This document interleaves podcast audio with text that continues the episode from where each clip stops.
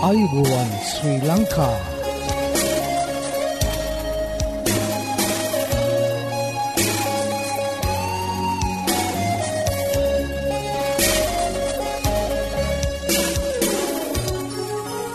ඔබට සුපදස මේ ඇඩවෙන්ටිස් වර්ල් රේඩියෝ බලාපොරොත්වය හඬයි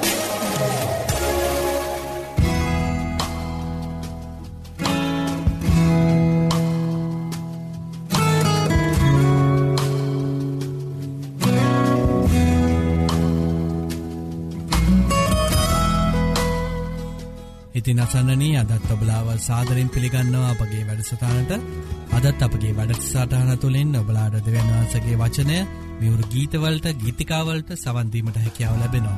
ඉතිං මතක් කරන්න කැවති මෙම වැඩසටානගෙනෙන්නේ ශ්‍රී ලංකා 7ඩ ඇඩවෙන්ටිස් කිතුුණු සභාව විසින් බව ඔබලාඩ මතක් කරන්න කැමති. ඉතින් ප්‍රැදිී සිටින්න අප සමඟ මේ බලාපොරොත්තුවය හඬයි.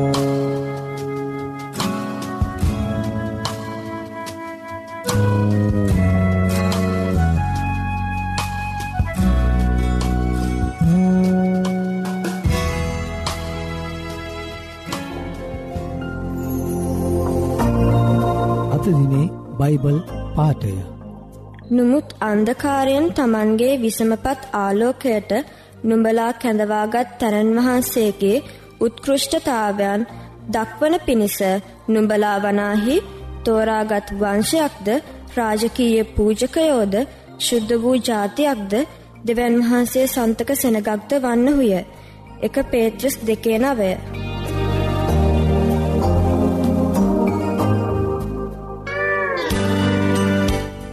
ආයුබෝවන් මේ ඇඩ්වෙන්ටිස් වර්ල්ඩ් රේඩියෝ බලාපොරොත්තු වෙන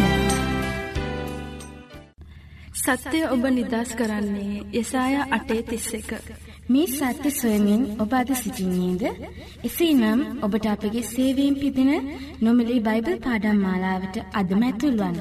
මෙන්න අපගේ ලිපිනේ ඇඩවෙන්ටිස්වල් රේඩියෝ බලාපොරත්තුවේ හඬ තැපැල් පෙටේ නමසේපා කොළඹ දුන්න.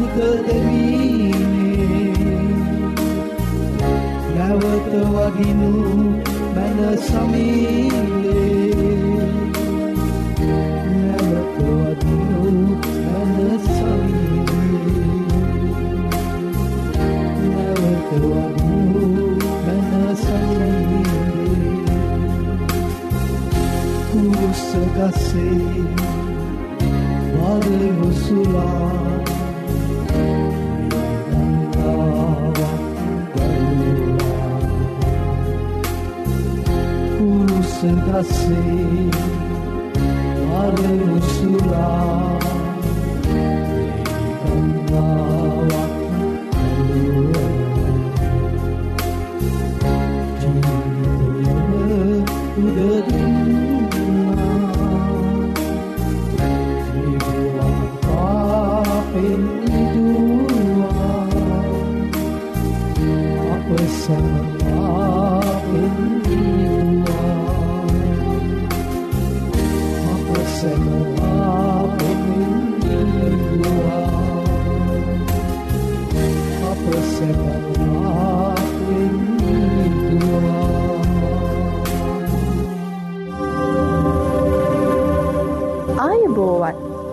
ඔබ මේ සවන් දෙන්නේ ඇඩවෙන්ටිස් වර්ල්ඩ් රේඩියෝ බලාපොරොත්තුවේ හඬටයි.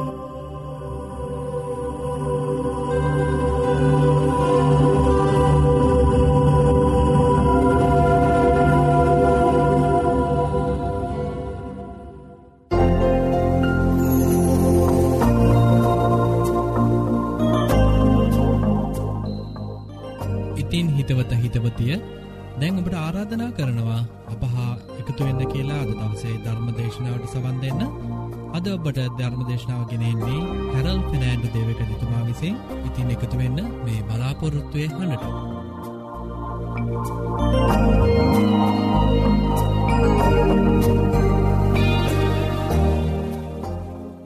මගේ ප්‍රිය දූදරුවනි අද ඔබ මම අමතන්නට යන්නේ ලස්සන මාතෘකාවක් යටති. ඒ තමයි ඇගිල්ලේ මුදුවක්ද දමන්න. මගේ ප්‍රධාන බයිබල් පදය වෙන්නේ යෝවල් පොතේ දෙවිනි පරිච්චේදේ දාසයවෙනි පදය.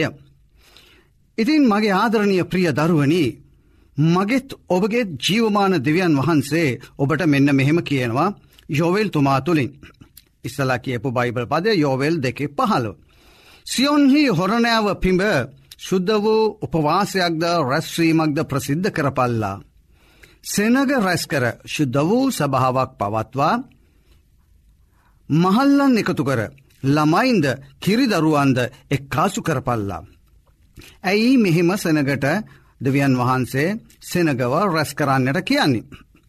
මනුෂ්‍යයා ජීවමාන ශුද්ධ වූ දෙවියන් වහන්සේව එපා කරලා තම තමුන්ම තම තමුන්ගේ ජීවිත මාර්ගවල ගමන් කරන නිසා. ඒ නිසා කියනවා දෙවියන් වහන්සේ මේ සෙනගට පසු තැවිලි වෙලා දෙවියන් වහන්සට යටහත්ව උන්වහන්සේ වෙතට හැරියෙන ලෙස.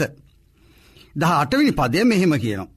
එකල ස්වාමින් වහන්සේ තමන්ගේ දේශය ගැන ජුවලිත වී තමන්ගේ සෙනගට අනුකම්පා කලසේක. ඈත ඉතිහාසයේ නිනීවය නුවර වැසියන් පිළිබඳව ඔබගේ දෙවි ස්වාමින් වහන්සේ මෙන්න මෙහෙම කියනවා. මේක ඇත ඉතිහාසයේ සිද්ධ වෙච්ච සත්‍ය වූ කතාවක්. යෝනා හතරේ දහවිනි පදය එකොළොස්වනි පදය. ස්වාමින් වහන්සේ නුඹේ මහන්සවීමකින්වත් වැවීමකින්වත් නැතුව රාත්‍රියකින් හටගෙන රාත්‍රියකින් නැතිවී ගිය ලබු එල කෙරෙහි නුබ අනුකම්පා කලා. එසේ නම්. තමුන්ගේ දකුණතවත් වමතවත් නොදන්න එක්ලක්ෂ විසිදහසකට වඩා මනුෂ්‍යන්ද බොහෝ මූර්ගයන්ද සිටින්නා වූ නිනීවය නම් වූ ඒ මහත් නුවර කෙරෙහි මාත් අනුකම්පා කළ යුතු නොවේ දැයි කීසේක. ඒ දෙවියන් වහන්සේ ඔබවත් රැකගන්නවා. ඔබටත් උන්වහන්සේ ආදරෙයි. ඔබගේ වැරදි ගැන ඔබගේ ජීවිතය ගැනත් උන්වහන්සේ අනුකම්පා කරනවා. ඒ ආදර දෙවියන් වහන්සේව අත් නොහැර එතුමාගේ රැකවරණය ලබා ගන්න. මීක දිවස් ප්‍රසාධිවරයාගේ හඬින් මෙහෙම ඔබට කතහ කරනවා. උන්වහන්සේ නැවත අපට අනුකම්පා කරන සේක. අපේ අපරාධ පාගා දමනසේක. ඔබ වහන්සේ ඔවුන්ගේ සියලුම පාප මුහුදේ ගැඹුරට හෙළනසේක. ස්වාමීවෝ ගැලවුම්කාර ජේසුස් ක්‍රිස්තුස් වහන්සේය යක්ෂයා වේශවෝ මනුස්්‍යයෙක් සෝපත් කරලා උන්වහන්සේ ඔහුට මෙන්න මෙහෙම කියනවා මාක් සුභාරංචියයේ පස්වනි පදයේ දහනම්වෙනි පදය අලුත්ගිවිසුමේ. නමුත් උන්වහන්සේ ඔහුට අවසර නොදී නුබද ගෙදර නුම්බේ නෑමිතුරන් ළඟට ගොස් ස්වාමීන් වහන්සේ නුඹට කොපමන මහාදේවල් කළ සේක්ද කියාත් උන්වහන්සේ නුඹට කරුණා කළ සැටේත් ඔවුන්ට දන්වා පැන්නයි ඔහුට කිව්වා. එවැනි අයටත් ඔබගේ දෙවි ස්වාමි වූ ජේසුස් ක්‍රිස්තුස් වහන්සේ කරුණාව පෙන්වූ හැටි ටිකක් හිතල බලන්න. යාකොප්තුමා ඔබට මෙහෙම කියන්නේ යාකොප් පස්වනි පරිච්චේදේ දහවිනි පදය සහ එකොළොස්වනි පදයනුයි. සහෝදරේනි ස්වාමින් වහන්සේගේ නමින් කත්තහා කළ ප්‍රොපේතවරුන් පීඩාවින්දීමෙත් ඉවසීමෙත් ආදර්ශයක් කොට ගන්න. ඉවසූ අය ආශිර්වාද ලද්දෝයයි අපි කියනවා. යෝබ්ගේ ඉවසීම ගැන නුඹලා අසාතිබෙනෝ. ස්වාමින් වහන්සේගේ තීරණයද ඔබලා දැක්ක. ස්වාමින් වහන්සේ බොහෝ අනුකම්පාව ඇත්තා වූ දයාවන්ත වූ කෙනෙක්ය. ස්වාමින් වහන්සේ මෝසෙස් ඉදිරිපිටින් වඩිමින් මෙන්න මෙහෙම කියලා තිබෙනවා. නික්මයාම පොතේ තිස් හතරේ හයවෙනි පදය. ස්වාමින් වහන්සේ ඔහු ඉදිරිපිටින් වඩිමින් ස්වාමින් වහන්සේය ස්වාමින් වහන්සේය. උන්වහන්සේ අනුකම්පාවෙන් පූර්ණ වූ දයාවන්ත වූ උදහස්වීමට ප්‍රමාද වන්නා වූ අධිකතර කරුණාව සහ සැබෑකමද ඇත්තා වූ දෙවි කෙනෙක්ය කියලා. උන්වහන්සේ දහස් ගණනකට කරුණාව පවත්වනො. අයුතුකමත් අපරාධයත් පාපයත් කම්බා කරනොයි කියලා එහි සඳහන් වෙනෝ. දරුවනී ඔබටත් ඔබගේ වැරදි ජීවිත රටාවට සම්මාව කරගන්න. අලුත් ජීවිතයකට දෙවියන් වහන්සේ තුළ නැඹුරු වන්න. උන්වහන්සේගෙන් සියලු වැරදිවලට පසු තැවිලි වෙලා උන්වහන්සේගෙන් සමාව ලබාගන්න. ඔබගේ චරිතය වෙනස් කරගෙන දෙවියන් වහන්සේට කීකරුව සමාජයටත් රටටත් තම පවුලටත් තමන්ටත් වැඩදායක පුද්ගලයෙක් වන්න. නව ගිවිසුමේ ලූක්තුමා ලූක් සුභාරංචියයේ පාලොස්වනි පරිච්චේදේ දහටවෙනි පදේදං විසිවෙනි පදයට මෙන්න මෙහෙම කියනවා අකීකරු පුත්‍රයාගේ කතාවකදී. මම නැගිට මාගේ පියාණන් ළඟට ගෝස් පියානනී ස්වාර්ගයට විරුද්ධවද ඔබ ඉදිරියෙහිද පව් කළෙමි. තවත් ඔබගේ පුත්‍රයායයි කියනු ලබන්නට නොවටිමි. ඔබගේ කුලීකාරයන්ගෙන් එක්කෙනෙකුමෙන් මා තබාගත මැනවයි ඔහුට කියන්නෙමෙයි කියා නැගිට තමාගේ පියාළඟට ගියා. ඔහු දුර සිටියදීම ඔහුගේ පියා ඔහු දැක. අනුකම්පාවී දුවගෙන ගොස්. ඔහුගේ බෙල්ල වැළඳගෙන ඔහු සිපගත්ත. එවිට පුත්‍රයා කතා කරලා මෙන්න මෙහෙම කියනවා. පියානනී ස්වර්ගයට විරුද්ධවද ඔබ ඉදිරියෙහිද මම පව් කළබි. තවත් ඔබගේ පුත්‍රයායයි කියනු ලබන්නට නොවටිමෙයි කිව්වා. නමුත් පියා තමාගේ දාසයන්ට කතා කරලා මෙන්න මෙහෙම කියනවා. ඉතාම හොඳ සලුව වහාම ගෙනවිත් මොහුට හඳව පල්ලා. මොහුගේ ඇඟිල්ලේ මුදුවක්ද පාදවල වහන්ද දමා පල්ලායයි කියලා කිව්වා. ඒ තමයි දෙවියන් වහන්සේගේ චරිතය. ඒ නිසා ඔබත් ජේසුස් ක්‍රිස්තුස් වහන්සේ වෙත දැන්ම එන්න මගේ ප්‍රියදූ දරුවනි මේ ලුක් සුභාරංචියයේ මේ කතාවේ දිපාලස්වනි පරිච්චේදය කියන්නේ මොකක්ද. පියාණන් වහන්සේගෙන් වෙන්ව ගිහිල්ලා තමන්ගේ කැමැත්ත අනුව ඒ වැරදි චරිතයෙක් තුළ ජීවත්වය දීත් උන්වහන්සේ කියන්නේ මොකදද වහාම පිරිසුදු හොඳ සලුවක් ගේන්න. ඒ වගේම කියනවා මොහුගේ ඇගිල්ලෙ මුදුවක් දාන්න. මේ මුදුව මොකක්ද පියාගේ උරුමය. මෙන්න මේ වගේ තමයි ඔබටත් ජේසුස් ක්‍රිස්තුස් වහන්සේගේ උරුමය ලබාගන්නට උන්වහන්සේ වෙත එන්න. උන්වහන්සේ වෙතට ඇවිල්ල උන්වහන්සේට කියන්න ඔබගේ ඒ චරිතයේ දුර්වලකම්. ඔබගේ චරිතය අලුත් චරිතයක් බවට පත් කරගන්න. ඒක ඔබට කරගන්නට අමාරුයි. කොයි මනුස්සයාට තමන්ට කරගණ්ඩ අමාරු. නමුත් ජේසුස් ක්‍රසිස් වහන්සේ ශුද්ධාත්මයණන් වහන්සේගේ බලයෙන් ඒක කරනවා ඔබ ජේසුස් වහන්සේද භාරවුනොත් යාඥා කළොත්. මේ නිසා අපි මේ මොහොතේම ඔබ භාරදීලා අපි යාඥා කරමු. ස්වර්ගයේ වැඩ සිටින අපගේ ආදරණීය ශුද්ධ වූ ශුද්ධ වූ ශුද්ධ වූ දෙවියන් වහන්ස ඔබ වහන්සේ අපට දුන්නා වූ ජේසුස් ක්‍රිස්තුස් වහන්සේ නිසා ස්තුතිවන්ත වන අතර උන්වහන්සේ කුරුසිර ගිහිල්ල අපට ජීවිතය පූචා කරලා අපට පාප සමාව දුන්න නිසා ස්තුතිවන්ත වෙනවා. ඒ වගේම ජෙසුස් වහන්සේ අද ස්වර්ගේ උන්වහන්සේගේ ඒ කාර්යයේ නියුතු වෙලා ඉද්දි. අපව තනි කරන්න නැතුව අපට උන්වහන්සේගේ ආත්මයණන් වහන්සේව ශුද්ධාත්මයණන් වහන්සේව ලබා දුන් නිසත් ස්තුතිවන්ත වෙනවා. ශුද්ධාත්මයන්නනී ඔබ වහන්සේ මේ අසාගෙන සිටින අයව ජේසුස් වහන්සේව අවශ්‍යයි කියලා හිතන අයව. ඒ අයව සියල්ලංවම ජීවිත වෙනස් කරලා. ඒ අය අලුත් චරිතයකට අලුත් ජීවිතයකට ගෙනල්ලා ජේසුස් ක්‍රිස්තුස් වහන්සේට ප්‍රසන්න යාගයක්සේ භාරවෙන්නට ඒ අයගේ සිත්වලට කතා කරන්න. ඒ අයව සකස් කරන්න.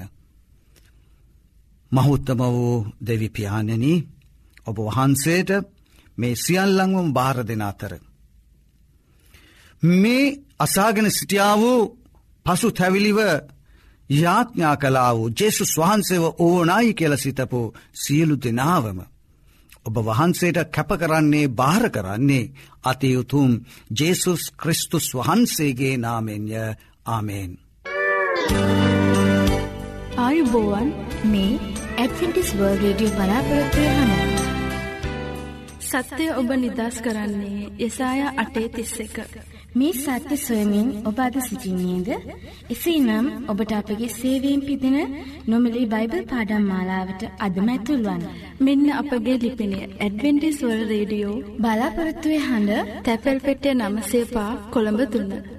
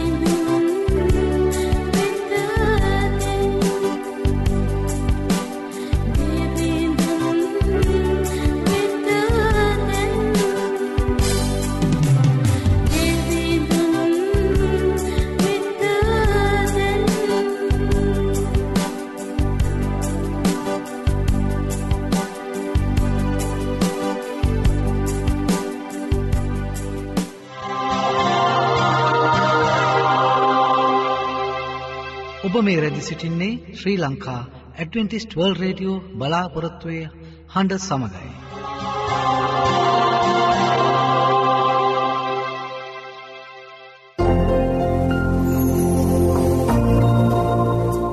අපේ මෙ වැඩසටාන තුළින් ඔබලාට නොමිලේ ලබාගත හැකි බයිබල් පාඩං හා සෞඛ්‍ය පාඩම් තිබෙනවා. ඉතිං ඔබලා කැමතිනං ඒවට සමඟ එක්වෙන්න අපට ලියන්න. අපගේ ලිපින ඇඩවෙන්ටිස් වර්ල් රඩියෝ බලාපොරත්තුවය හඬ තැපැල් පෙට්ටිය නමසය පහ කොළඹ තුන්න මම නැවතත් ලිපිනීම තක් කරන්න. ඇඩවෙන්ටිස් වර්ල් රඩියෝ බලාපොරත්තුවය හඬ තැපැල් පෙට්ටිය නමසය පහ කොළඹ තුන්න ඒවගේ මොබලාට ඉතාමත් ස්තුතිවන්ත වෙනවා අපගේ මෙම වැඩසටාන දක්කන්නාව ප්‍රතිචාර ගැන. අපට ලියන්න අපගේ මේ වැඩසටාන් සාර්ථය කර ගැනීමට ඔබලාගේ අදහස් හා යෝජනාවට අවශ්‍ය අදත් අපගේ වැඩසටානය නිමාව කරාලඟාව තිබෙනවා. ඉතිං පුරා අඩහෝරාව කාලයක් අප සමඟ රැඳී සිටිය ඔබට සූතිවන්ත වෙන අතර හෙටදිනෙත් සුපුරෝධ පරිති සුපුරුදු වෙලාවට හමුවීමට බලාපොරොත්තුවයෙන් සමුගන්නාම ප්‍රස්ත්‍රියකනායක ඔබට දෙවියන් වහන්සේගේ ආශිර්වාදය කරනාව හිමියේවා.